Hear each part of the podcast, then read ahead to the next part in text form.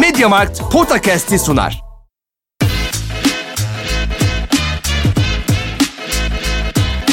Potakast. Kaan Kural ve Orkun Çolakoğlu'yla NBA gündemine haftalık bir bakış.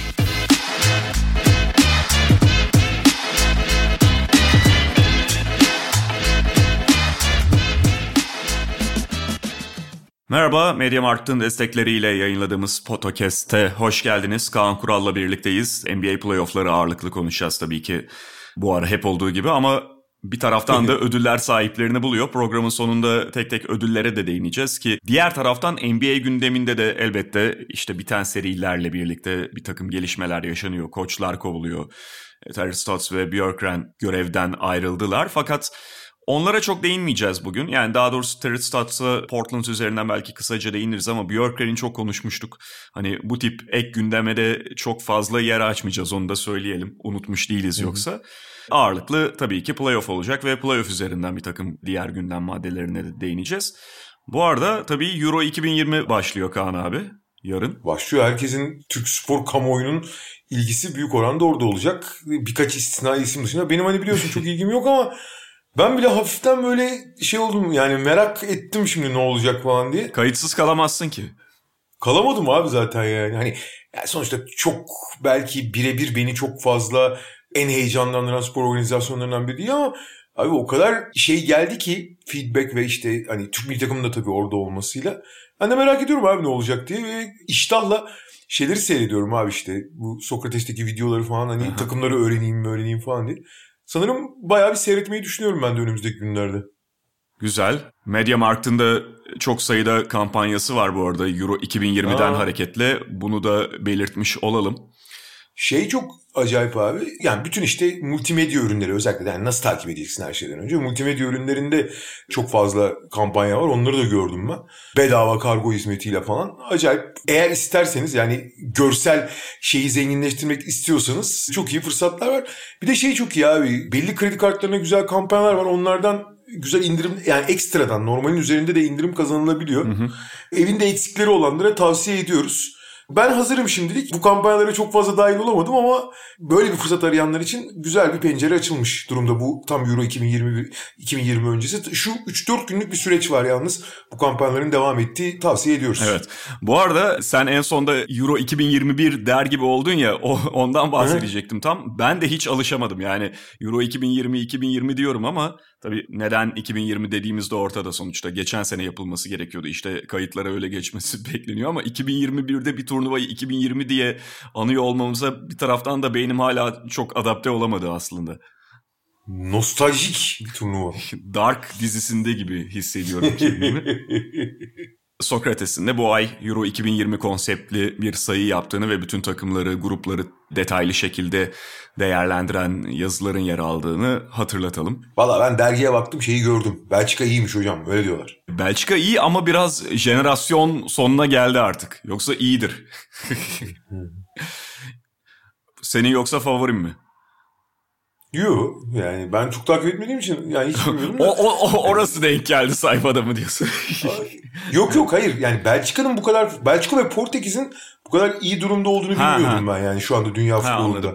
Hani sonuçta atıyorum hani İngiltere, Fransa, Almanya yani özellikle Fransa'nın mesela iyi olduğunu ben ben bile biliyorum yani. Hani o kadar da değil de hani atıyorum Fransa, Almanya, İtalya bunlar favori olmasında bir sakınca yok yani. Bunlar hani standart hani o an şüpheli de ne bileyim Belçika ve Portekiz'in hani Fransa'yla aynı seviye demeyeceğim ama hani ciddi ciddi şampiyonluk için hani sürpriz olmayıp hani geçerli bir aday olduğunu duyduğum zaman biraz şaşırdım açıkçası. Yani o kadar da, tamam Belçika'nın da Portekiz'in de belli bir seviyede olduğunu, belli oyuncuların bir yerlere geldiğini ama milli takım seviyesinde ciddi anlamda bu kupanın adayı olduğunu okumak şaşırttı beni yani. Hiç bilmiyordum. Ha, yok öyle tabii şey. Belçika zaten işte 2018 üçüncüsü. İyi takım ama bakalım yani şey olacak mı bu jenerasyonun kazanması gerektiği kadar kazanamadılar tartışmalarını getirecek mi beraberinde? Çünkü yavaş yavaş öyle bir şey de birikiyor. Neyse doğru podcast'tesiniz. O hatırlatmayı yapalım. Yani NBA konuşulacak burada. Yanlış açmadınız şeyi falan. Sokrates FC'yi açmadınız. Bu podcast'in ilk bölümü ben Euro öğreniyorum. Tabii. Gümbür gümbür gelen bir Phoenix takım var. Biraz da onları konuşalım. Biraz da ondan konuşalım. Peki geçelim playoff'a. Yani Doğu Konferansı ile başlayalım istersen her zaman olduğu gibi. Hı. Tabii yani ilk tur serilerinin bir kısmı bitmemişti biz geçen hafta konuştuğumuzda ama tek tek onlara dönmeyeceğiz. Şu anki ikinci tur serileri üzerinden devam eden takımları değerlendireceğiz. Ama işte Doğu Konferansı... İkinci tur serilerinden biri de pek devam ediyor gibi gözükmüyor ama. Ya da erken bitebilir gibi. Philadelphia Atlanta ile girişi yapalım o zaman Kaan abi. Hmm. İki tane enteresan maç geride kaldı. Yani şu bakımdan işte ilk maça Atlanta çok iyi başlamıştı ve 20 sayının üzerine 26 sayılara gelen bir fark vardı. Sonrasında Sixers maça ortak olmayı başardı. Biraz son bölümdeki o panik havasıyla Atlanta'nın belki maçı kafa kafaya sonda getirdiler ama öncesinde de aslında olabilirlerdi.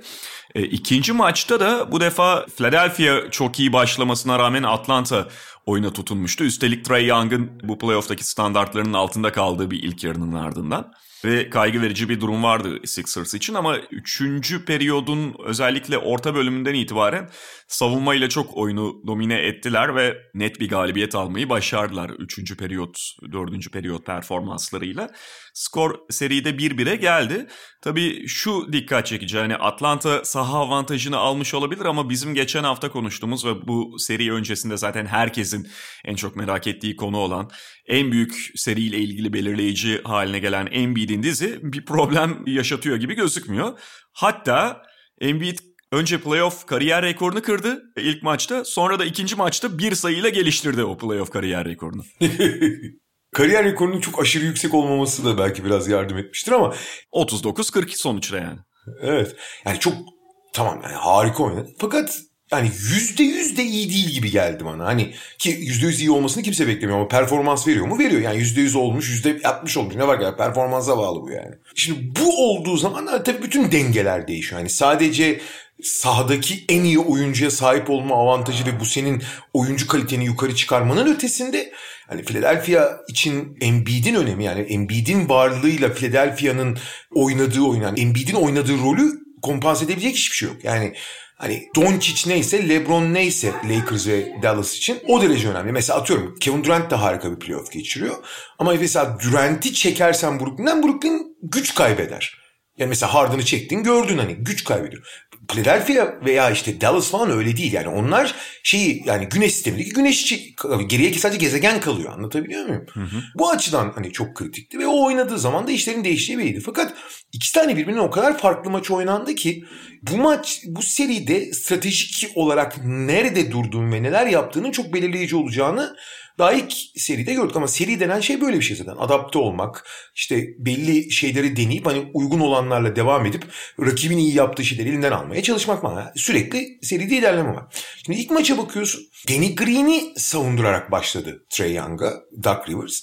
Yani Danny Green'in disiplininden, yani Trey Young'a zaten çok fazla perde getiriyorlar. Çünkü NBA'de double drag oynayan tek takım neredeyse Atlanta. Yani double drag setleri var takımların. Ama temel seti double drag oynayan. Double drag de çok basit bir şey. Hani bilmeyen seyircimiz olabilir. Hani çok komplike bir şey değil. İkili pick and roll. Yani tepeye yani çift perde per... getiriyorlar. Aynen. Ve onları ortaya doğru yürüyerek kullanıyorsun. O kadar. Yani çift perde getir. Normalde roll'da nedir? Perde getirirsin. Perdeden toplu oyuncu ayrılmaya çalışır. Ayrılamazsa işte diğer perde yapan oyuncu ya dışarı pick and pop olarak ya da pick and roll olarak içeri verir. İşte pick and double drag yaptığın zaman iki perde geliyor.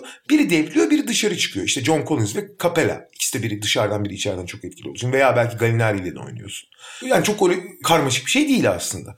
Fakat Atlanta'nın bu double drag sistemine karşı zaten hani Trey Young'ın çok perde alacağını düşünerek Doug Rivers hani çok disiplinli, hiç dikkatini kaybetmeyecek. İşte o perdelerden mümkün olunca sıyrılabilecek Danny Green'i kullanmış. Ama Danny Green abi evet çok disiplinli falan filan da yani artık bir yaşı itibariyle de ayak çabukluğu itibariyle de fiziksel itibariyle de çok yoramıyor tip Trey Young. Ve Trey Young at oynattı abi ilk yarıda. Yani güle oyna istediği her şeyi yaptı, herkesi kullandı, tıkır tıkır hücum etti. Bir de bunun karşılığında Philadelphia normalde çok daha hani fiziksel bir takım olarak, çok daha sert bir takım olarak o fiziksel üstünlüğünü gösteremediği gibi hı hı. yetmezmiş gibi bu. Çok agresif de başlayamadı. Böyle hani biraz lay lay lon başlar gibi. E o rahat başlayınca Atlanta skor üstünlüğü ele geçirdi. Sonra Doug Rivers yine çok tuhaf bir şey yapıp tamamen yedek beşe döndü. Deli gibi top kaybetti. İlk 14 dakikada 12 top kaybı olur mu abi? Ne yapıyorsun ya? Hani nerede yaşıyoruz yani? Ki Atlanta'da öyle anormal top kaybı zorlayan falan bir takım da değil yani. 14 dakikada 12 top kaybediyorsun. Sonra 26 olur ondan sonra fark sana yani. Aptal oluyorsun yani. Oradan sonra hani bir şekilde geri geldi. Atlanta biraz tecrübesiz bir takım olduğu için farkı korumaya oynarken hani biraz aman abi bir şey olmasın derken tuhaflaştı falan. Maçın son 5 dakikası ise tam şey. Yani komedi. Hakikaten komedi yani. Hani acayip acayip şeyler oldu. Beni en çok şaşırdı. Ben hayat yani bir daha bunu göreceğimizi zannediyorum. Son bir dakikada abi fark 3 sayıyken Atlanta 3 sayı öndeyken arka arkaya hücum, iki hücum oldu abi. Birinde Atlanta yani tek hücumda 5 sayı buldu. Dönüşünde tek hücumda Philadelphia 4 sayı buldu. Hı hı. Ulan maç, maçın kader anı tek topa düşmüş. Son dakika oynuyorsun 5 sayılık hücum ve 4 sayılık hücum görüyoruz karşılıklı. Abi hangi dünyada var bu ya? ya biri işte clear path foul'den sonra gelen basket. öbürü de basket foul'de rebound alıp attıkan basket. Neyse. İkinci maçta farklı olan şeydi. Bu sefer Ben Simmons'ı verdiler Trey Young'ın başına. Zaten çok istiyordu. Bu arada şeyi de söyleyeyim abi. İlk maçı da Ben Simmons felaket oynadı. Yani Tamam Trey Young'la eşleşmedi ama abi yardım savunmacısı durumundasın. Bogdanovic tutuyorsun sen. Abi Bogdanovic'ten öyle yardım mı getir? Bogdanovic oradaki en önemli spacing oyuncusu. Yani sen bari onun başına dur. Bogdanovic'ten ne çok şey yediler abi. Gereksiz yardım getirdiği için Ben Simmons. Gereksiz yardım bir de yani. Hani çok disiplinsizdi Ben Simmons. Artı abi biliyorsun playoff'ta hiç foul atamadığı için foul çizgisine taktik foul yapıyorlar. Bu arada ilk maçta şeyden de bahsetmek lazım. Abi hiç hayatımda 30 yıldır NBA seyrediyorum. 30 yıldır basketbol seyrediyorum. Hayatımda görmediğim şeyi gördüm o ilk maçta ya. Bir işte son dakikada 5 sayı artı 4 sayılık hücumlar. Bir de 6 sayı önde olan takımın abi 6 sayı öndesin. Maçın bitiminde 2 dakika var. Taktik foul yapıyordu abi şey. Atlanta Ben Simmons'a Heke Ben Simmons yapıyordu yani. Çok acayip ya. Yani işte foul atamadığı için herkes Simmons'lar geliyor. Foul atamadığı için içeri girmeyi zorlanıyor. Bir de şey acayip psikolojik olmuş. Aynı Yanis gibi. Hı hı. Hiç atamıyor artık yani. Hani işte ilk 9'unu kaçırdı playofflarda. Sonra 14'te 4'e falan geriledi. Yani saçma sapan böyle eli falan titriyor. E, Doug Rivers da orada ikinci maçta mesela benzerini yapmadı ama orada e, ulan bunu aşacaksın diye inada bindirdi işi. Aynen. İkinci maçta işte Ben Simmons zaten hani tutmak istiyordu. Trey Young'ı tuttu ve iyi de tuttu şimdi. Double drag'lere ekstra önlemler aldılar falan. Fakat bu sefer de abi çok da agresif başladı Philadelphia. Bu sefer anında böyle şeyle Trey Young'ı da biraz sınırlayınca acayip oynadı. Bu sefer de abi Atlanta'nın şey tarafını gördük. Abi Atlanta evet hani maç kontrol et, tecrübesiz bir takım olduğu için maç kontrol etmeyi falan çok bilemiyor. Bazı yerlerde biraz işte panik oluyor demeyeceğim ama fazla hani galibiyeti koruyalım havasına giriyor falan. Onu ilk maçta bu sefer de abi ne kadar zengin bir kaynak sahibi olduklarını da gördük. Şey oldu abi kenardan gelen Gallinari ile Hurter çoktan kopup giden maçı bir anda getirdiler geriye. Bir anda geri getirdiler yani. Hele Hurter çok iyi bir maç oynadı yani. Gallinari zaten her zaman gibi yani. yani çok hücum üretmeden de atabiliyor. Maç tekrar krize girdi. Ama sonra işte Embiid zaten hani başlı başına hani çok karşılanması kolay şeyler yapmıyor. Capella'yı foul problemine soktu. Capella sadece 28 dakika oynayabildi falan. Hani 5 foul aldı. Philadelphia bir şekilde kazandı. Ve daha Philadelphia gibi oynayarak kazandı. Ama abi bir Atlanta'nın normalden fazla alternatifi olabildiğini, özellikle bu Bogdanovic'in ikinci oyun kurucu rolünde oynadığı, işte Philadelphia'nın Lou Williams'ın sahada olduğu bölümleri cezalandırıyor, Philadelphia rotasyonunun oturmadığı yerler, işte oyun sıkışında Gallinari opsiyonuna dönebildiği yerlerde falan. İşte ilk maç iyi oynamıştı. John Collins ikinci maçta çok yoktu ama işte hani çok alternatifi olduğunu gösterdi. Atlanta şey değil iyi bir form yakalamış falan gibi. Gerçekten personel çok alternatifi olan, çok üretebilen ama henüz üst düzey bir takım disipline falan çok sahip olmayan bir takım gibi gözüktü. Philadelphia burada yani net favori ama Atlanta şey değil. Hani bazı opsiyonlarını tıkadığın zaman durdurabileceğin yani Trey Young'ı yavaşlatmak ki yani merkez onların da en önemli yeterli olmuyor abi Atlanta'yı durdurman için. Doğru yeterli olmuyor ama diğer taraftan da şu var abi yani işte hani çok Embiid temelli konuşuyorduk geçen hafta ve Embiid'in sakatlığının dengeleri burada değiştirebileceğini söylüyorduk. Nitekim Embiid'in beklediğimizden çok daha sağlıklı biçimde ve 39 üstü 40 sayı atacak kadar kendinde yer alması sahada neleri değiştiriyor gördük. Çünkü şöyle bir şey ortaya çıkıyor. Clint Capela her ne kadar iyi bir savunmacı olsa da ve Atlanta'nın başarısına çok büyük payı olsa da Embiid'e karşı biraz uf, ufak kalıyor Capela. Abi Capela ufak kalıyor. Yani nasıl bir hayvansın evet. sen Embiid ya? Resmen ufak kalıyor. Yani Doğru. bir 5-6 santimlik boy farkı var. 20 kilo kadar da ağırlık farkı var. Ve Embiid'in onun üstünden sürekli birebir üretim yapabildiğini görüyoruz. Hani orta mesafeden falan da zaten oynuyor. Orta mesafeden şut atarken o şutu çok rahatsız edemiyor. Sırtını aldığında yardım getirmek zorunda kal- kalıyorsun. Bu defa savunman açılıyor. Ve yani şöyle bir durum var işte ikinci maçı e, Sixers kazanırken belki skor belli oyuncuların üzerine çok yıkılmış gibi gözüktü. Ama o belli oyunculara da Atlanta'nın savunmada çözümü fazla yoktu. Yani tabii ki bir tanesi Embiid ve en büyük hasarı zaten oradan alıyorsun. E, Tobias Harris savunması da problem haline gelebiliyor. Washington kadar olmasın ama Tobias Harris'i e, Atlanta'da çok net savunamıyor. Ona karşı birini bulamıyor. Özellikle Bogdanovic'i Hurter'ı birlikte sahada kullanırken. Orada işte abi DeAndre Hunter'ın tekrar sakatlanması Atlanta için hakikaten darbe oldu yani. Aynen aynen ve yani Solomon Hill ilk 5 çıkıyor ama işte Solomon Hill'i çok fazla kullanmak istemiyor Nate McMillan. Nitekim bu maçta hücumda da maçın başına problem olunca 8 dakikada tuttu Solomon Hill'i.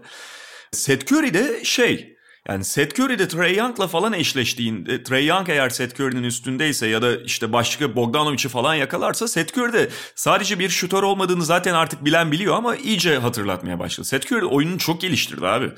Yani tabii ki abisi gibi değil ama dribbling üstünden oynayabiliyor. Dribbling üstünden oyunu sadece işte closeout'a hücum ederken potaya gitmekle sınırlı değil. Ee, onun üstünden savunma ikinci bir yardım getirdiğinde risk aldığında kat görüyor, boşluk görüyor. Gerçekten çeşitlilik sahibi bir oyunu var artık Seth Curry'nin.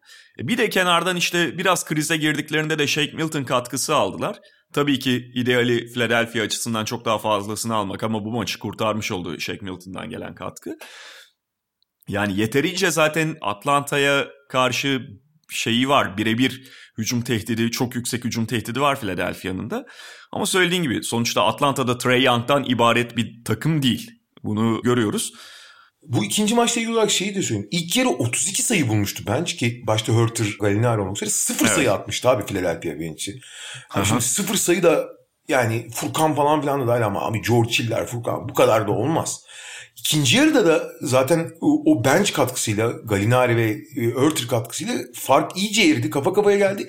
Ve bench sıfır sayıken nihayet Shake Milton girip acayip bir sekans oynadı abi. Öyle böyle bir sekans oynamadı. Ki hatırlayacaksın Shake Milton iyice rotasyondan düşmüş. İlk maçta bir dakika oynamıştı. Girdi 45 saniyede bir tane top kaybetti. Saçma sapan bir iş yaptı çıkarıldı oyundan. Bir daha da oyuna sokulmadı. Bir dakika falan oynamıştı yani. Evet. Yani o zaten maçı dengeye getiren o bench farkıydı. Ve yani neredeyse şey veriyordu da Philadelphia ama işte bence Shake Milton dediğin gibi dengeyi şey yaptı biraz. Sixers'a son bir ihtiyacı olan canı verdi. Ya burada hani bench'i biraz daha harekete geçirmek için Ben Simmons'a da biraz görev düşüyor ama Ben Simmons playoff'ta çoğu zaman olduğu gibi yani kendi skor tehdidi düşük olunca ve rakip bunun üstüne oynayınca pasif kalabiliyor. Görüyoruz yine.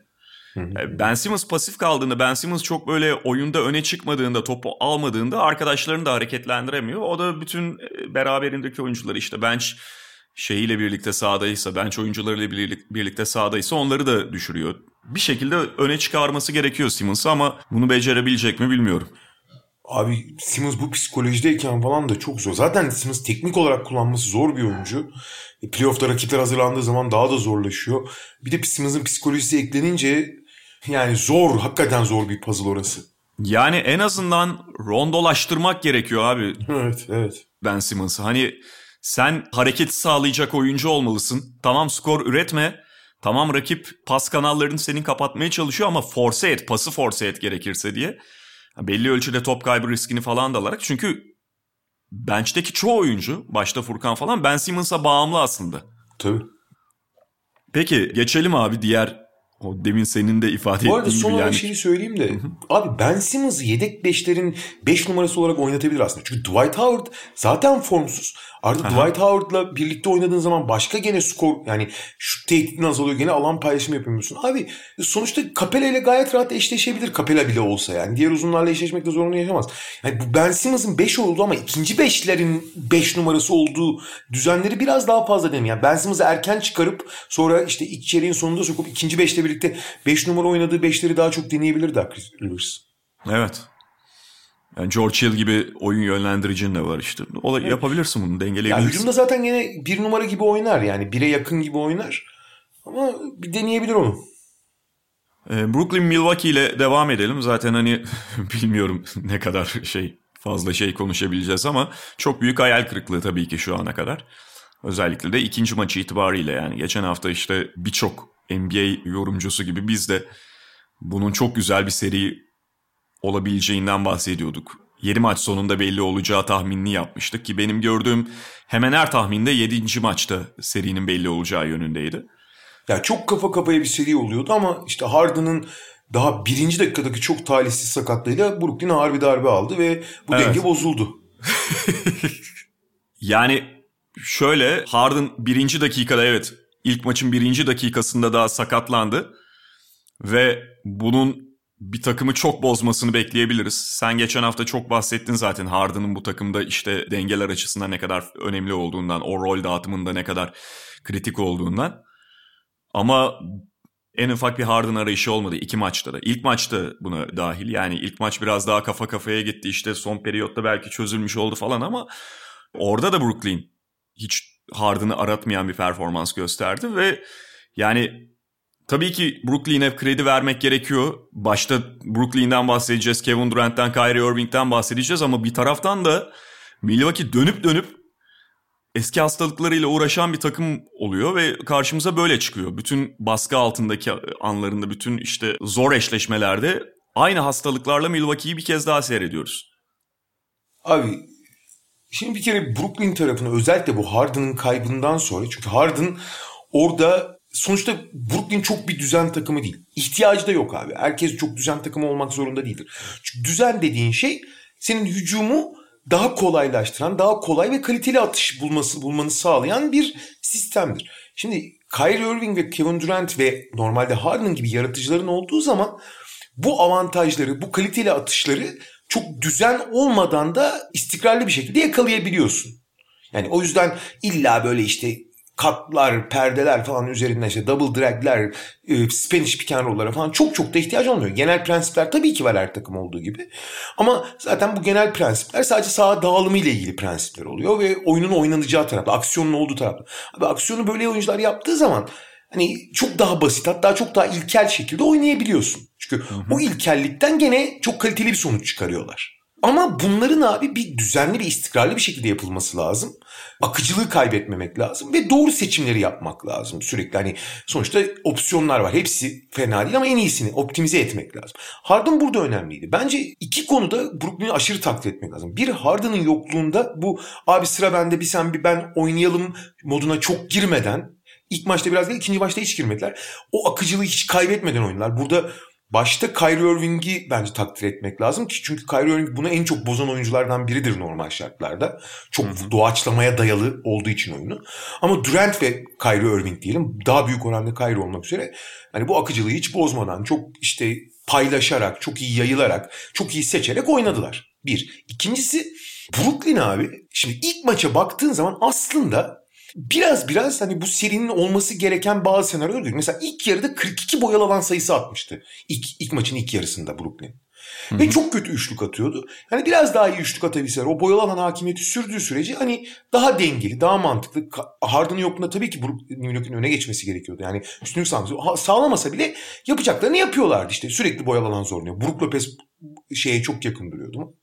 Sonra ikinci yarıda işte maç ellerinden kaydı gitti. Chris Middleton çok kötü bir maç oynadı falan. Ama en azından 3 aşağı 5 yukarı bu takımların profillerine yakın şeyler gördük. Milwaukee büyük hatalar yapıyor olsa da ve işte detaylarda çok ıı, bocalıyor olsa da senin söylediğin gibi klasik hastalıklarına girip işte mesela Yanis'i 33 dakika 34 dakika sahada tutmak gibi eski hastalıklarına geri düşmüş olsa da Milwaukee profil öyle. Abi ikinci maçta ilk maçtan sonra asıl ayarlamayı yapan Brooklyn oldu kazanmasına rağmen. Mesela ikinci maçta çok daha gömülü oynadılar.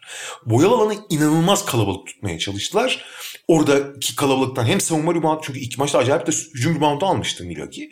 Hem savunma reboundu konsantrasyonu arasında hem de Brook Lopez, Yanis falan oraya girdiğinde o kalabalıktan çok üretemesin diye. Abi bunda başarılı oldular. Nitekim Milwaukee'nin tabii ki üçlükten riske etmen gerekiyor. Daha fazla üçlük attı. Ama abi yani Brooklyn bunu yapıyor. Niye? Milwaukee'nin güçlü olduğu yerden imtina etsin diye. Abi Milwaukee tamamen teslim olur mu abi? Yani rakip, rakip sana bu kadar dikte edebilir mi bir oyunu ya? ya böyle şey olur mu abi?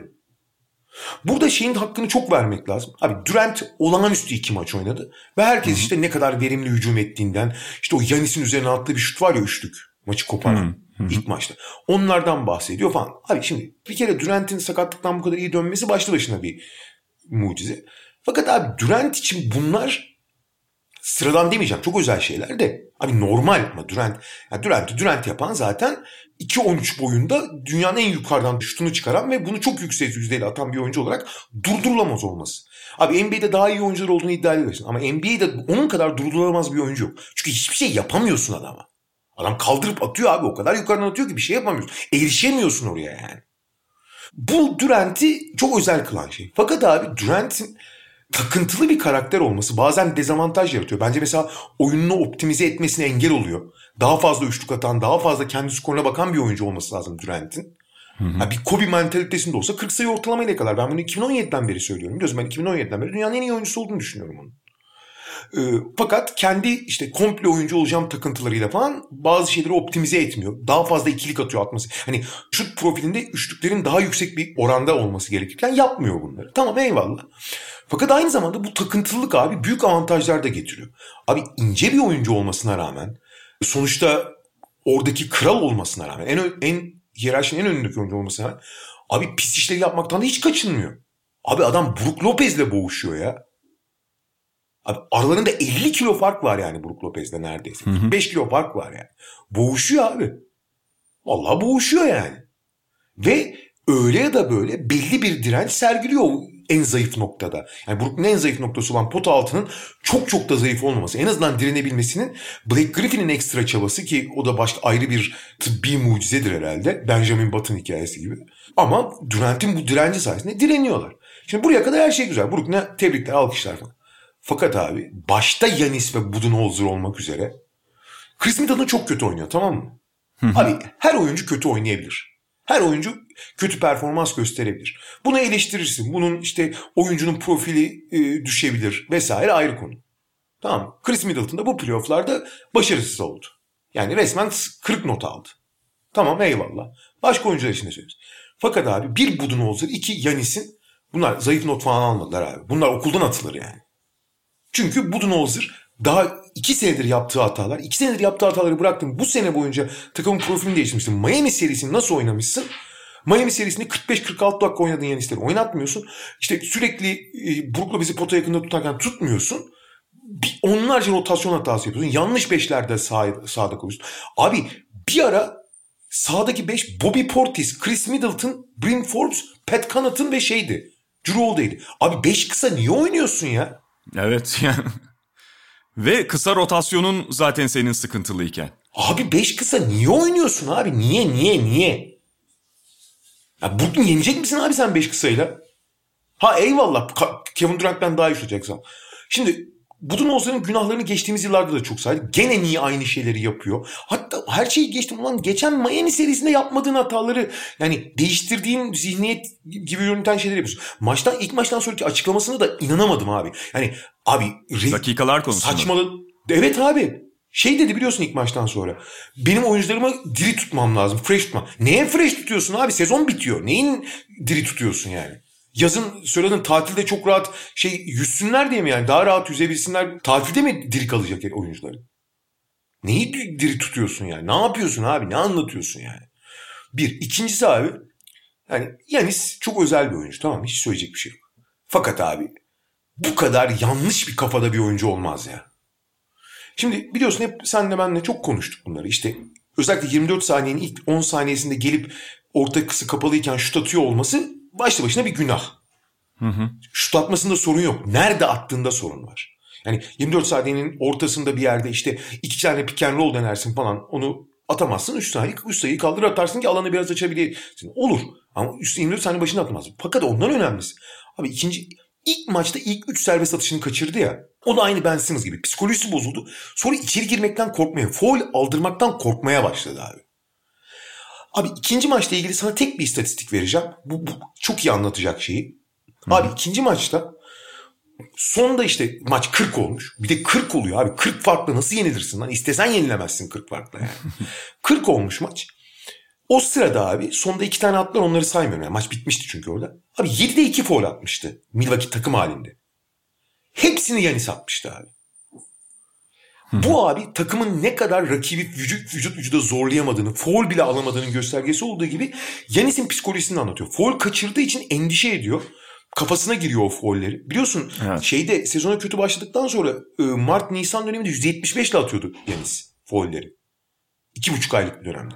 Abi kafasına girmiş ilk maçın ilk üç foulünü kaçırdıktan sonra oldu bu hikaye. İkinci maç abi ikinci maçın daha maçı ikinci topu ortaya doğru bir dribbling yaptı. Orası kapandığını gördü. Geri çekilerek şut attı abi. Şimdi bunu yapamazsın abi. Kötü oynarsın ama yanlış ve korkak oynayamazsın yani. Sen Yanis'sin abi. Durant'e Durant gibi karşılık veremezsin. Durant gibi oynayamazsın sen yani. Öyle abi ve bu da Budenholzer'a yazılır. Abi Budenholzer'a yazılır evet doğru. Şimdi mesela hep konuşuyoruz ya e, daha pick and roll'daki rollman olarak kullanmak, topsuz oynatmak falan mümkün. Fakat abi hepsi de Budenholzer'a yazılmaz kusura bakma. Yanis'e de yazılır abi. Ölümüne da abi ölümüne hani sürekli vücut temasını zorlayan, sürekli kendi avantajlarını öne çıkan şekilde oynamak zorundasın abi. Bak her şeyi geçiyorum. Milwaukee'nin başarılı kılan ve Yanis'i başarılı kılan en önemli şeylerden biri iştahı tamam mı? Hı hı. Abi Brooklyn daha iştahlı olamaz sahada ya. Brooklyn başka şeyleri daha iyi yapabilir ama senden daha iştahlı gözükemez sahada yani. Öyle öyle ve şey yani bak Blake Griffin'den demin bahsettin ya bir tıbbi mucize diye. Blake Griffin hakikaten hakkını verelim. Çok iyi iki maç oynadı. Özellikle ilk maç inanılmaz mücadele etti. Ve sadece mücadele değil oyunun diğer tarafında işte dört tane üçlük attı. Oyunu kıran kritik şeylerden biriydi o dört üçlüyü. 18 sayı attı. Öyle bir katkı sağladı. 14 rebound aldı. Yani Milwaukee'nin önemli üstünlüklerinden birinin rebound olması beklenirken maçtaki en fazla rebound alan oyuncu oldu. Yalnız şöyle bir şey var abi. 35 dakika oynadı ilk maçta Blake Griffin. Ve 6 faalle oyun dışında kal- kaldığı için belki 35 dakikayla sınırlandı yani. Abi ilk seride Boston serisinde ortalaması 20 dakikaydı Blake Griffin'in. Bu maçta iki maçta 30 dakika ortalamayla oynuyor. İkinci maç farkı olmasaydı bu ortalama 30.5 ortalama daha da yüksek olacaktı. Hı hı. 26 dakika ile ikinci maçta sınırlı olmayacaktı erken koparmasaydı Brooklyn. Şimdi burada şöyle bir sorun var. Sen dedin ya tıbbi mucize. Hakikaten beklediğimizin çok üstünde bir Blake Griffin izliyoruz. E ilk seride Celtic serisinde de izledik abi Blake Griffin'i. Ne oldu? Biz geçen hafta ne konuşuyorduk? Celtics'in sürekli Blake Griffin'in üstüne hücum edip oradan Tabii. bir avantaj elde ettiğinden bahsetmedik mi? Tabii Böyle ki. olmadı mı? Evet abi. Böyle oldu. Sen Aynen. niye bunu yapamıyorsun abi Milwaukee olarak? Çünkü niye yapamıyorsun? Senin bahsettiğin konu. Yani Antetokounmpo, Blake Griffin birebir kalıyor. Antetokounmpo hücum süresinde daha 15 saniye falan var atıyorum. 10 saniye falan bakıyor Blake Griffin'e böyle. Orta mesafede acaba benim şutuma gelecek mi? Blake Griffin gel at o şutu at. Acaba gelecek mi? Bu yeni Acaba mimi şey mi yapacağız? Yeni mimi şey mi yapacağız Ahmet Kural yerine? Yanis'in Black Griffin'e baktığı gibi bakan birini bul. Tabii tabii. Bakıyor abi benim şu... Bak atıyorum ha şey gibi. Gözlerime bak. Gül, Gözlerime gülen, bak gö- Gülen gözlerde mi ne vardı ya? Veriyor musun? Hani geliyor musun buraya? Bak atıyorum şutu. ya inanılmaz bir şey abi. İnanılmaz bir şey. Yani hala bunun, bununla vakit kaybediyorsun playoff serisinde. Vallahi billahi ya. Yani üstüne gitmiyorsun, şey yapmıyorsun, direkt sırtı dönük falan da oynamıyorsun. Orta mesafede böyle bakıyorsun 10 saniye Blake Griffin'e doğru. Hücum tıkanıyor ya da işte şey Yannis'le o ikili oyunun yani ya da birebir oynamaya çalışıyorsun. Dön abi yani orada istediğini bulamadıysan hemen tekrar Chris Middleton'a, Drew Holiday'e her kime ise ver o topu geri. Ya oradan bir şey çıkmayacağını artık Milwaukee'nin kolektif olarak takım bu sadece Yanis değil dediğim gibi kolektif olarak biliyor olması gerekiyor. Aynen. Birazdan Phoenix Suns'ı konuşacağız. Abi çok Top çok bir kere duruyor şey mu abi? Çok güzel bir şey söyledin. Kolektif olarak biliyor olması gerekiyor dedin ya. Bunu biraz daha ilerleteyim. Abi kolektif olarak bunun otomatikleşmiş olması gerekiyor. Evet abi yani hücum şey olması lazım. Ay Yanis Blake'le takıldı hemen hareket e, resetlenmesi lazım hücumun. Tabii. Daha süre var çünkü bu bahsettiğim şeyler hücum süresinin sonunda 3 saniye 4 saniye kala olmuyor. Bayağı takılıyorlar başından itibaren. Yani çok büyük hayal kırıklığı. Evet Chris Middleton gibi Mike Budenholzer'a yazılmayacak hayal kırıklıkları da var Milwaukee cephesinde ama burada bir oyun planı ve eski hastalıkların baş göstermesi durumu söz konusu. Öbür tarafta da işte sen de bahsettin yani Kyrie Irving'in çok hakkını vermek gerekiyor. Blake Griffin'in mücadelesinin ve fiziksel olarak da evet beklediğimizin belki üstünde olmasının hakkını vermek gerekiyor. Ne kadar esas zayıf olduğu taraflardan test edilmiyorsa da Kevin Durant de iyi topçu. Yani bunu sezon iyi topçu ve sezon başından beri konuşuyoruz ama bir kez daha belki söylemekte fayda var. Yani sakatlıktan önce dünyanın en iyi oyuncusu, o anki en iyi oyuncusu ünvanını almış bir oyuncunun belki basketboldaki en ağır sakatlığı geçirip bir buçuk yıl sonra aynı seviyeye çıkmış olması bir taraftan çok sevindirici. Bir taraftan yani ümit verici bir tarafı var aşil sakatlıklarına dair. Ama bir taraftan da herif öyle bir istisna ki ha bak Kevin Durant dönmüştü diye çok fazla örnek gösteremezsin. Tabii referans olacak bir adam değil çünkü. Refer Aynen abi yani istisnanın son noktası hani herkese unicorn deniyor ya hı hı. son dönemde. Esas unicorn bu hakikaten bu. Abi şöyle bu Blake Griffin'in zamandaki Pau Gasol'ün falan üzerinden yaptığı efsane smaçlar falan var ya böyle unutulmaz. İşte Aha. ne bileyim LeBron'un klasik blue falan.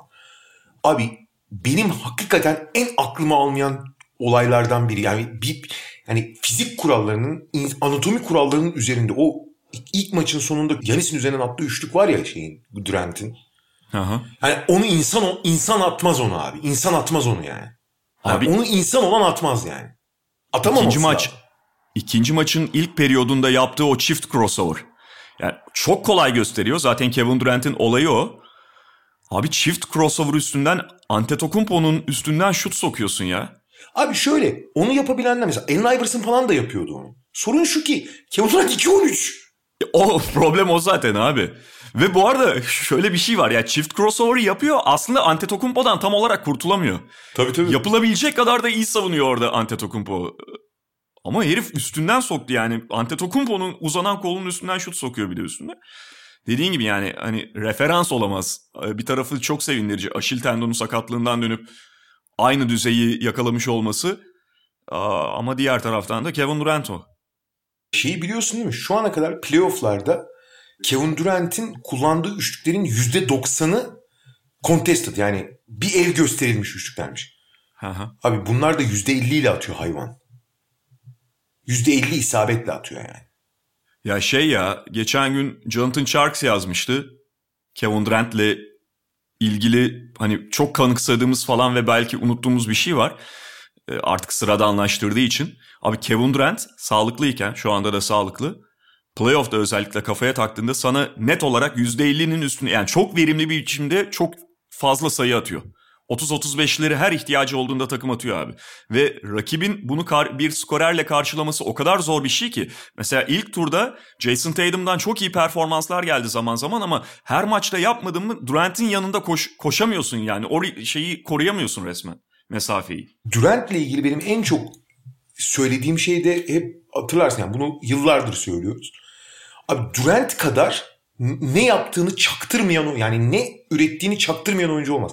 Bir maçı seyret abi. Bu Durant yani Durant'in kariyerinin olgunlaştığı işte 2014'ten itibaren hemen hemen her zaman geçerli. Çok istisnai bölümler hariç. 2016 playoff'larını kötü oynamıştı mesela. Neyse. Çok istisnaidir ama yani. Abi maçı seyret. Dikkat etme. Kaç sayı attı diyeyim Durant sana. Mutlaka %30 falan altını söylersin. Durant 50 attıysa abi 35 falan attı galiba diyorsun. Durant 25 attıysa 18 sayıda falandır diyorsun yani. Lan ne zaman 25 oldu lan bu herif falan diyorsun yani. Çok acayip o konuda yani. O konuda çok acayip bir herif yani.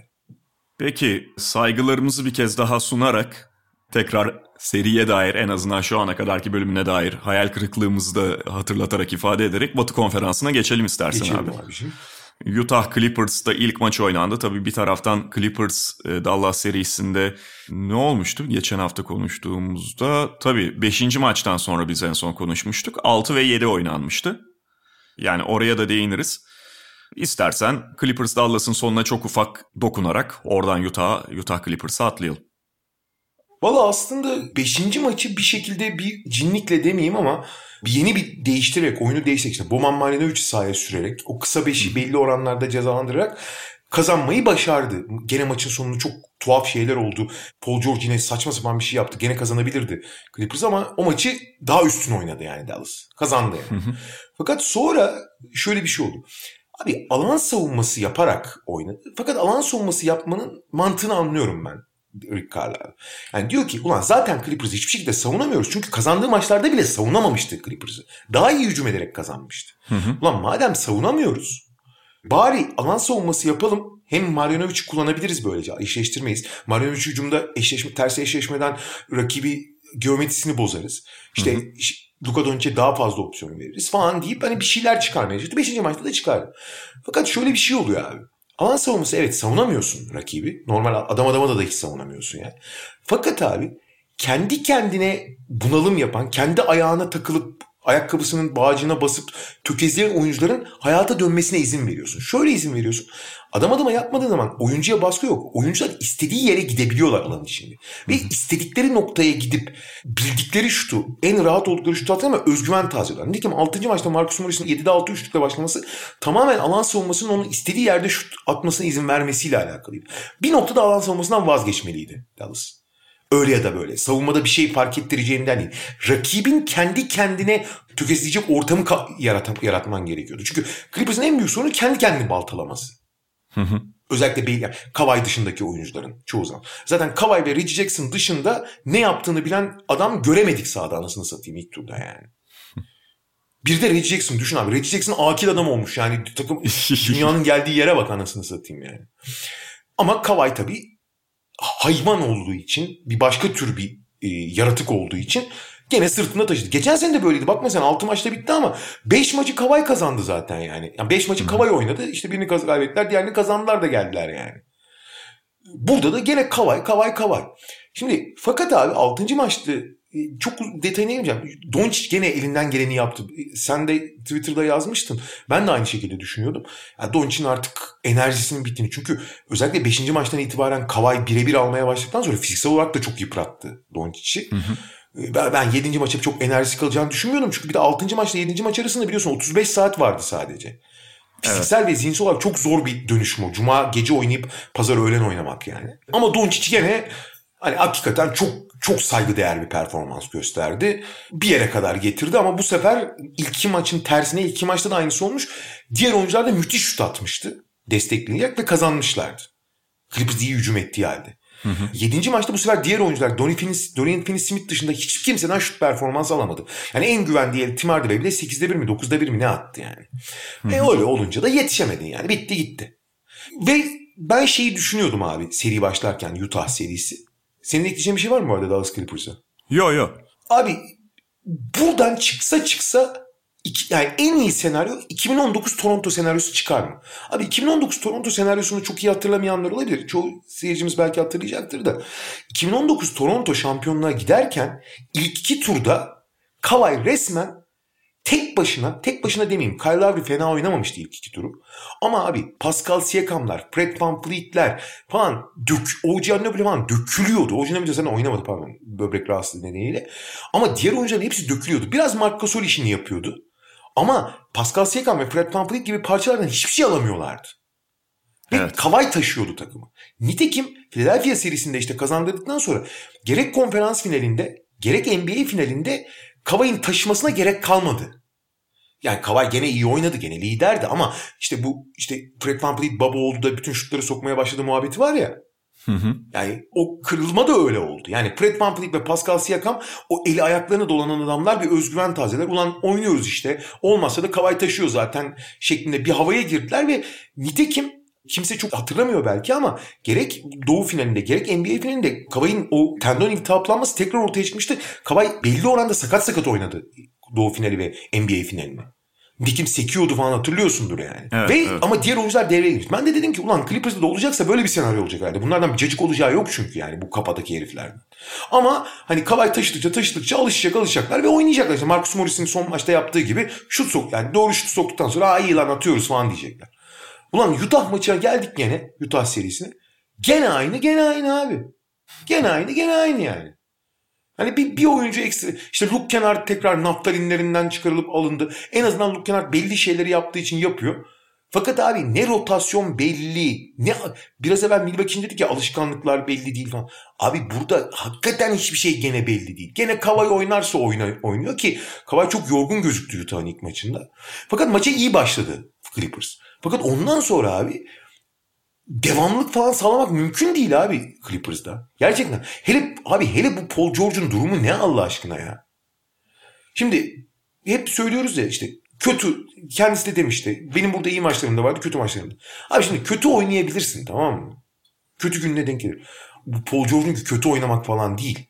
Tamamen geçen sene kendi de itiraf etmişti. İşte bunalımdaydım falan diye. Abicim yani bu, bu bunalım da bir çeşit sakatlık gibi abi o zaman.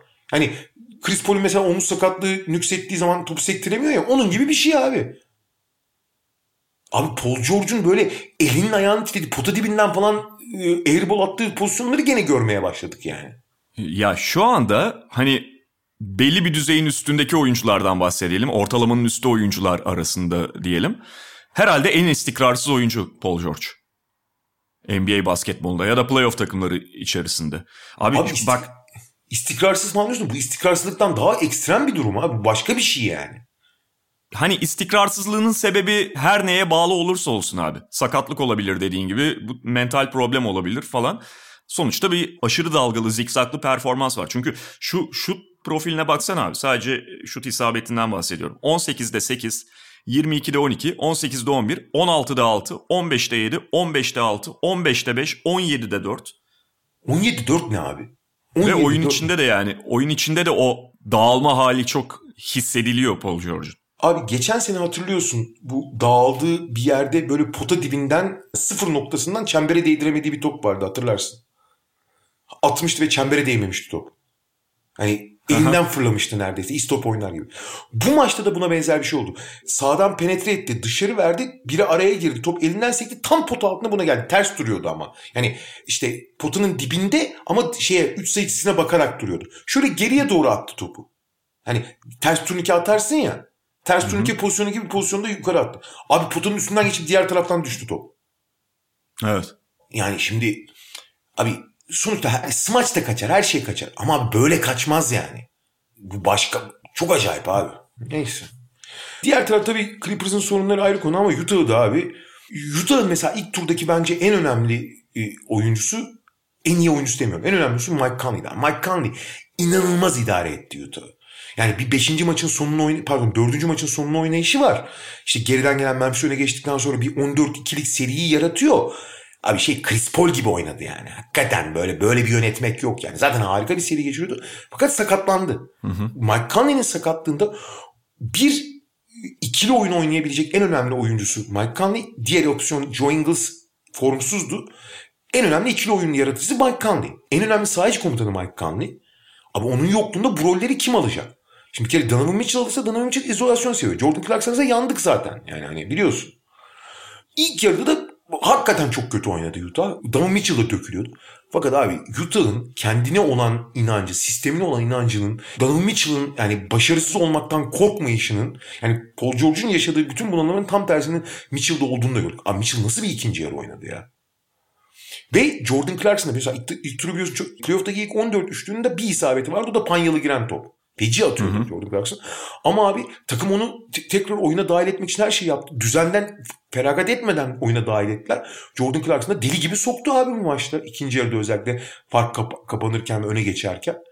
Son bölümde de abi Luke Kennard'ı sağda tutuyorsun. Donovan Mitchell her seferinde üstüne gidiyor. Her seferinde turnike oluyor. Ya ben Tyron Lue'ya da inanamıyorum abi. Luke Kennard sahada sürekli Donovan Mitchell'ı karşısına veriyorlar. Sürekli ilk turda yaptığı hataları yapıyor Tyron Lue. Soft switch'i veriyor. Yani soft switch de çok basit bir şey. Amaçsız perde. Yani hücuma hiçbir şey katmayan perdeyi veriyorsun sırf eşleşmeyi değiştirmek için. Yani toplu oyuncunun karşısına doğru oyuncuyu almak için. Değiştiriyor, switch alıyor. Luke Kennard üstüne gidiyor. Bu sırada abi çok iyi maç çıkarmış. Çok disiplinli. Zubats'ı oynatmıyorsun. Pot altında caydırıcında olmak için Donovan Mitchell turnike üstüne turnike atıyor. Turnike üstüne turnike atıyor. Donovan Mitchell atmadığı her topun hücum reboundunu alıyorlar. Ve sen Zubats'ı kenarda oturtuyorsun. Ve yani şimdi Utah Clippers'ı kağıt üzerine koyduğunda seri öncesinde konuşmaya başladığında normalde ne beklersin abi? Özellikle Mike Conley de bir maçta devre dışıysa rakibin iyi kanat savunmacıları olduğu için Donovan Mitchell'ın tek başına maç almasının olağan bir senaryo olmadığından bahsedersin Tabii. değil mi? yüksek bir ihtimal değildir bu. Ya da olmaması gerekir Clippers tarafından baktığında. Yani bir takıma yenilebilirsin ama kendi kuvvetli olduğun bir yönden seni vurmasıyla yenilmem, yenilmezsin. Bunu engellemeye çalışırsın. Hı hı. Söylediğin gibi yani Luke Kennard'ı sürekli hedefleyememesi lazım Donovan Mitchell'ı. Bu eşleşmeyi vermemen lazım. Rakibin şu anda açık ara en büyük silahını. Veya bu iş üç kere olduktan sonra dördüncüde artık vazgeçelim demen de öğrenmen. Hani e, evet bir yerde yani, de bir evet. dur demen lazım yani. Evet yani tamam Luke Kennard sana hücumuna önemli katkı sağlamış olabilir ve sen hücumda başka parçaların aksıyorken Luke Kennard'ın şu tehdidinden yararlanmak istiyorsun. Bunu anlayabiliyorum. Fakat abi yani bir tarafa koyarken bir taraftan da eğer şey yapıyorsan, e, su alıyorsan bunun matematiğini yapabiliyor olman lazım. Luke Kennard sana 3 üç tane üçlük atacak da rakip takım Luke Kennard'ı hedefleyip kendi krizi içerisinde bir açık buluyorsa sen önce o deliği tıkamalısın abi. Tabii. Zubats'ın oturmasının zaten hiçbir açıklaması yok bence yani. Hiç sıfır. Hı hı. Yani turnike üstüne turnike, turnike üstüne turnike, hücum round üstüne hücum round ver. Zubats otursun. İyi te oldu abi. Sonucu gördük. Yani Toronto Dallas serisinde de gösterdi. Sonuçta bir seriye çok kötü başlasa bile seri içerisinde adapte olabilen, doğru tuşlara basabilen bir koç. Veya Ama zaman zaman tuş, bunda tuşa basmaktan çekinmeyen bir koç. Evet, e, zaman zaman yalnız bunda gecikmenin de faturası ağır olabilir. E, bunun da örneklerini sadece Clippers'la alakalı değil görüyoruz. Hani Mavericks serisini çeviremeyebilirdin de. Evet. Ve yani Utah, 7 maçta Utah, kazandın. Utah Dallas değil zaten yani. Evet ve yani şu mesela unutuluyor. Ben bunu Rick Carlisle üzerinden dönen tartışmalarda da çok fark ettim abi. Sen de görmüşsündür. Dallas Clippers serisi öyle bir yere gitti ki Clippers'ın açık ara favori olduğu öyle seriye girdiği unutuldu. Tabii. Yani e, millet şey noktasına geldi neredeyse. Allah kahretsin seni Carlisle şu maçı şu seriyi verdin 2-0'dan falan. O serinin 2-0'a gelmemesi gerekiyor zaten başta. Evet. Ama dediğin gibi Utah Dallas değil. Ve Phoenix Denver. Evet yani bu da maalesef çok şu ana kadar bir şey veremedi bize. Hı hı. İki tane çok net galibiyet aldı Phoenix Suns. Bilhassa ikinci maç. İlk maçın ilk yarısında yine Denver az da olsa önde götürmüştü. İşte üçüncü periyotta falan bir 8-9 sayılık fark yakaladıkları bölüm vardı. Ama oradan itibaren Chris Paul yönetime el koydu. Ve şey o yani hani tamam ilk maçta işte üçüncü periyodun ortalarından itibaren o Phoenix dalgası yükseldi. Sonra ikinci maça taşındı ama şu çok net abi. Phoenix istediği gibi hücum ediyor ve Phoenix savunmasına karşı Denver çok zorlanıyor. Şey yap Lakers'ın e, son maçlardaki haline döndüler. Phoenix savunmasına karşı Denver hücumu acayip baltalanmış durumda. Burada tabii en başta Aiton'ı Aiton çok iyi bir playoff geçiriyor. Yani turu da çok iyi oynamıştı. Burada da abi Jokic'e karşı ayaklarını yerden kesmeyerek hı hı. son derece soğukkanlı yani 15 yıllık bir veteran gibi savunma yapıyor olması sadece fizik büyüklüğünü kullanarak savunma yapıyor olması büyük avantaj. Yani Jokic'i belli yerlerde özellikle potaya gittiği zaman falan biraz bile yavaşlatmak çok önemli. Çünkü yegane hücumu Jokic'ten var. Fakat serinin biraz kırılma noktası şu ana kadarki kırılma noktası ilk maçın devre arası oldu. Çünkü devre arasında ne olduysa hiç kimse bilmiyor. Tam olarak açıklayamıyor ki açıklamıyor. Michael Porter'ın beli yani onun kariyerini etkileyen ve işte zaten Amerika'nın en büyük yıldızı adayıyken 14. sırada draft edilme yani ortalara kadar draft edilmemesini sağlayan hani ilk senesini sakat geçirmesini sağlayan iki bel ameliyatı oldu biliyorsun Michael Porter Jr. Ve her zaman da bir risktir onun beli sırtı. Ve abi devre arası ikinci yarı sırt ağrılarıyla oynadığını söyledi. İkinci yarı hiç ortada yoktu Michael Porter Jr. Üç, ikinci maçta hiç yoktu. Abi Michael Porter Jr.'ın olmadığı bir yerde tabii Cemal Murray'nin eksikliği de çok önemli. Abi sayı atamıyorlar. Yani skor çıkmıyor. Aaron Gordon atamıyor abi. Facundo Campazzo atamıyor. Austin Rivers yani kendi standartlarında atıyor da o da 10 sayı abi zaten. Atamıyorlar abi.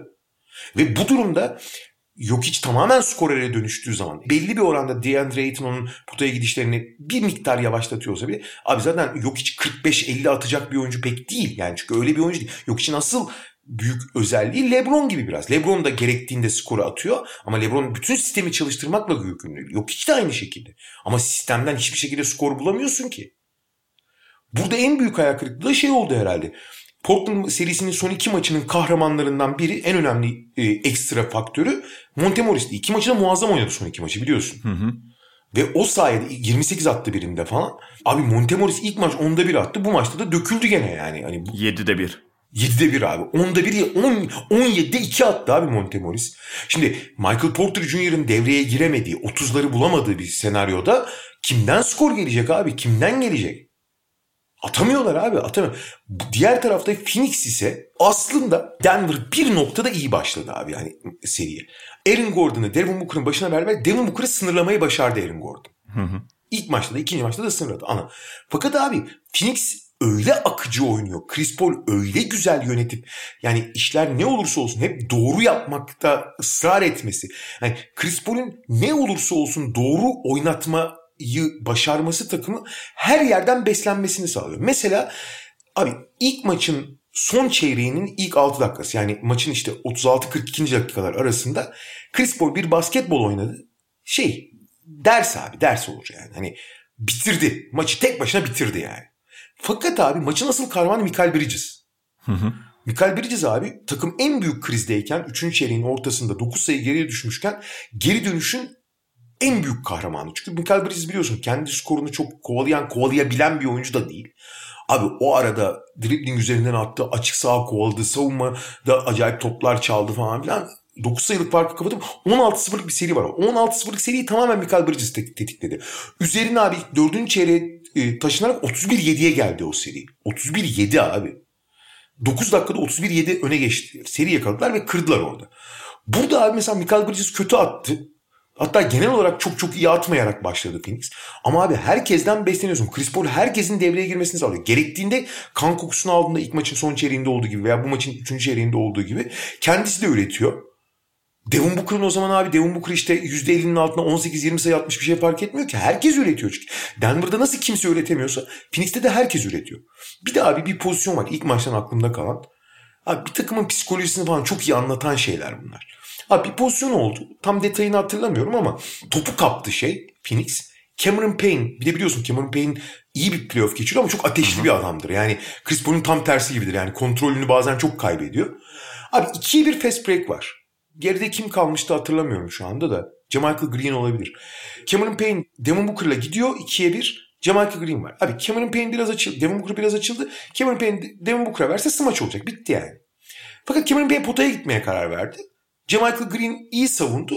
Turnikeyi bile atamadı. Yani top potaya bile tam atamadan böyle yarı blok yer gibi bir şekilde topu kaybetti ve yere düştü Cameron Payne. Aha. Abi Devin Booker depar atıp Cameron Payne'in yerine gelip yerden kaldırıp geri koşturdular beraber. Abi şimdi Devin Booker dediğin bu takımın bir numaralı skoreri. Bir numaralı oyuncusu değil mi? Hı hı. İkiye birde boşken pas vermiyor gardı yani yedek gard. Abi normalde püf müf yaparsın yani. Yok abi yani çok acayip bir psikolojideler takım olarak yani. Nefis takım abi yani dediğin gibi o şey anlamında kimya anlamında bunun yanında abi en güçlü takım değiller ama en iyi basketbol oynayan takım Phoenix. Ve ya, en en devamlı basketbol oynayan bir de. Devamlı, devamlı, akıcı, top kesinlikle durmuyor. Abi bütün aksiyonları neredeyse şey. Yani tabii ki birebir falan da bulabiliyorlar da o top trafiğine girdiklerinde zayıf tarafı illaki buluyorlar. Hı-hı. Sürekli oraya çeviriyorlar.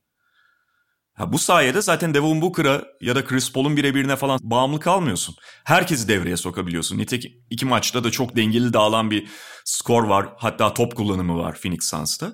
Ama yani başta o top trafiği sürekli takımın şeyinin herkesin bunun içinde bu ritmin içerisinde olması, o hareketliği devam ettirmesi çok etkileyiciler. Yani bunu şimdi Denver Nuggets kendi problemlerini yaşıyor işte. Jamal Murray'nin yokluğunun onlara ne kadar büyük darbe vurduğunu konuşuyoruz. Hatta bunun yanında Will Barton'ın yokluğu ciddi anlamda Denver'ın skor şeyini düşürdü. İşte Will Barton yeni dönebildi son maçta ama bir anlamı olmadı. Bir gün Denver'dan daha güçlü bir sonraki turda falan rakiplere karşı da oynayacak Phoenix Suns ve güçlerinin daha ciddi anlamda test edildiğini belki yetmeyece- yetmediğini de göreceğiz. Ama ondan bağımsız olarak yani uygulamada, şemada bu takım herhalde en etkileyici basketbolu oynuyor. Abi o kadar az hata yapıyor. Yani hata yaptıklarında bile hiçbir şekilde tempo kaybetmiyor. Bu çok çok önemli bir şey abi. Chris Paul'un az top kaybetmesi burada bence çok önemli. Yani az top kaybettiği için ve sürekli doğruyu oynadığı için o akıcılığı, o devamlılığı hiç kaybetmiyorlar neredeyse. Hı hı. Yani etkileyici, etkileyici. Etkileyici, etkileyici. Peki çok kısa ödülleri konuşalım Hı-hı. istersen. Yani yok içi zaten MVP olması konusunda herhangi bir şüphe yoktu son derece hak ederek. Herkes de özellikle sezonun son bölümünde artık herkesi ikna etmiş olarak e, MVP'liğe gitti yok hiç. Ve yani rakip olarak gözüken bütün oyuncuların da yani onun MVP adayı olarak görülen oyuncuların da öyle ya da böyle belli küçük handikaplar yaşaması, onun hiç yaşamaması, hani hep MVP Hı-hı. standartını koruması bir anda tek bıraktı. Nitekim neredeyse hani bütün o yani unanimous olması da yani oy birliğiyle olması da oy birliğine yakın bir şekilde seçildi ki hani çok çok da hak ederek yapılmış bir seçim bence. Evet Derrick Rose biraz hani onu sıkıştırdı. Derrick Rose abi bir oyalarak. Abi New York ve Chicago seyircisinin fanatikliğini falan küçümsememek lazım. Hem New York'tan hem Chicago'dan bütün oyları büyük bir adanmışlıkla alınca evet. taraftar oylarıyla birinci oldu Derrick Rose abi. Önce gazetecilerden birinden aldı zannedildi hmm. böyle. Şey en iyi savunmacı açıklandı. Evet. Yeni Rudy Gobert oldu. Yani o da, o da zaten çok tartışmaya mahal vermeyecek şekilde son 4 yılda da üçüncü kez bu ödülü almış hmm. oldu Rudy Gobert. Kesinlikle şey bir de açıklandı yılın koçu. Ee, onda Hı-hı. da Tom Thibodeau seçildi. Hani orada biraz şey olmuş gibi yani diğer rakipleri Quinn Snyder ve Monty Williams'tı ki Monty Williams Monty Williams daha fazla birinci sıra oyu aldı mesela. Ee, ama daha çok ikinci sıra oyu aldığı için e, çok daha fazla bir ikinci sıra oyu aldığı için puanla az farkla geçti Tom Thibodeau. Bu arada Aha. yani hak ettiğini kimse bir şey söyleyemez. Çünkü yani playoff performansından bağımsız bir performans bu. Hani beklenenin iki katından fazla galibiyet aldı New York. Hiçbir şey kimse bir şey söyleyemez. Yalnız oylamada şöyle bir şey olmuş gibi.